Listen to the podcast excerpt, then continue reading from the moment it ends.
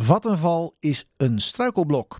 Tenminste, dat was de boodschap van Gaston Remmers uit Elsnagen Noord toen hij onlangs insprak in de stadsdeelcommissie. Want als deze energieleverancier zijn hulpwarmtecentrale niet zou bouwen op het groene veld tegenover zijn woonwijk, dan kan dat veld gewoon beschikbaar blijven voor alle culturele activiteiten die er op dit moment worden gehouden. Goedemiddag, meneer Remmers. Goedemiddag. Ja, uh, moet Vattenval die hulpwarmtecentrale wat u betreft dan maar niet bouwen? Nee, Vattenval mag best een hulpwarmtecentrale bouwen. Uh, alleen wij willen graag dat het echt overwogen wordt uh, op welke plek dat nou het best is. En daar dringen we al sinds bijna een jaar op aan. En wij komen gewoon niet goed in gesprek hierover. Er is wel één sessie over georganiseerd en uiteindelijk blijkt dat Vattenval een andere locatie echt niet te overwegen. En welke locatie heeft u het dan over? Nou, we hebben bijvoorbeeld over de PNR-lus bij het metrostation Noord. Daar, een van de lussen die komt uh, vrij. Daar wordt een faciliteit van Liander in geplaatst. En wij dachten dat dat een mooie combi zou kunnen zijn met de hulpwarmtecentrale. Of dat is, moet natuurlijk onderzoeken. Maar we willen wel, wij vinden het belangrijk dat het onderzocht wordt. Ja, en waarom onderzoeken ze dat zelf niet? Nou, omdat ze al een, tijd lang deze locatie op het Groene Veld op het oog hebben. En hun voorbereidingen zijn er allemaal op uh, ingesteld. Dus ze zijn al een tijdje onderweg. Dus ik snap wel ook wel dat het niet fijn is om dan eerst te moeten heroverwegen. Maar wij vinden, omdat we ook pas recent eigenlijk betrokken zijn geraakt bij deze uh, hele ontwikkeling, dat wij dat best mogen vragen als burgers in het belang van Noord. Ja. Nou, even om precies te zijn, ik spreek niet in ik sprak niet in namens mezelf, maar namens de buurtbelangenvereniging Jeugdland Elsenhagen Noorderkwartier. Dus als ik het over wij heb, dan is het over die groep. Oké.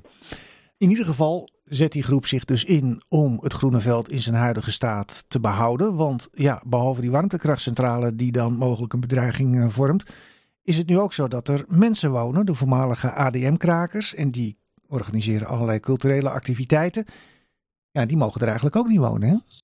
Nou ja, ze zijn gedoogd tot uh, eind uh, volgend jaar, in 2024.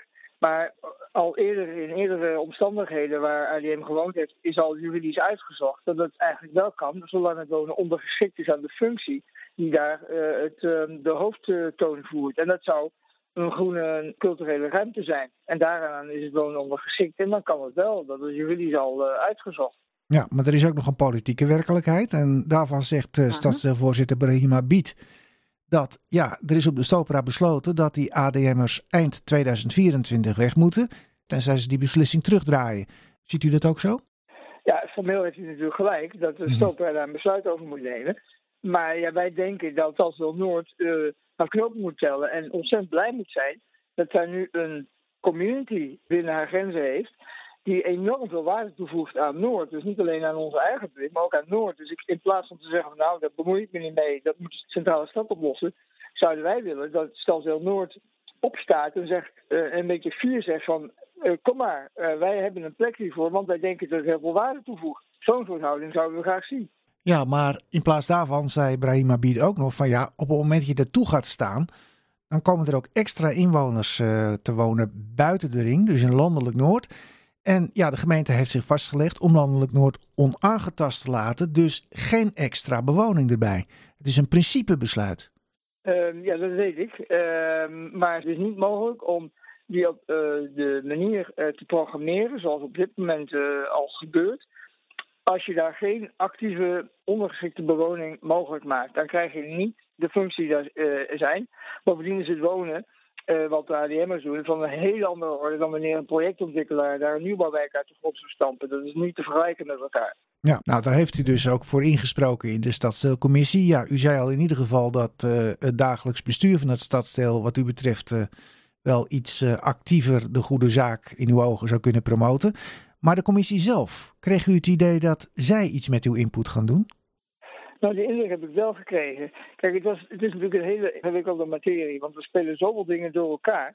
Dat het echt zoek is naar de goede feiten, de goede relaties tussen alle elementen die daar uh, een rol spelen. Wij zijn uh, nadien echt benaderd door verschillende politieke fracties met de vraag van kunnen we een keertje spreken om eh, goed te begrijpen wat er speelt, zodat we ook de juiste vragen kunnen gaan stellen aan het stadsdeelbestuur. En nou ja, dat, dat gesprek dat, dat, uh, dat vindt plaats. Ja. Is er ook al iets uh, gepland met de stadsdeelcommissie? Nou, met de stoffelcommissie is inmiddels op persoonlijke titel zijn wel een aantal gesprekken geweest. En we hebben besloten om na de vakantieperiode van Anida om verder te gaan en, en te kijken op welke manier we hier nog beter vervolg aan kunnen geven. Goed. We blijven het volgen en mag ik u dan alvast een prettige vakantie wensen? Ja, natuurlijk. Dank u wel. En ik hoop voor u en de luisteraars hetzelfde. Dank u.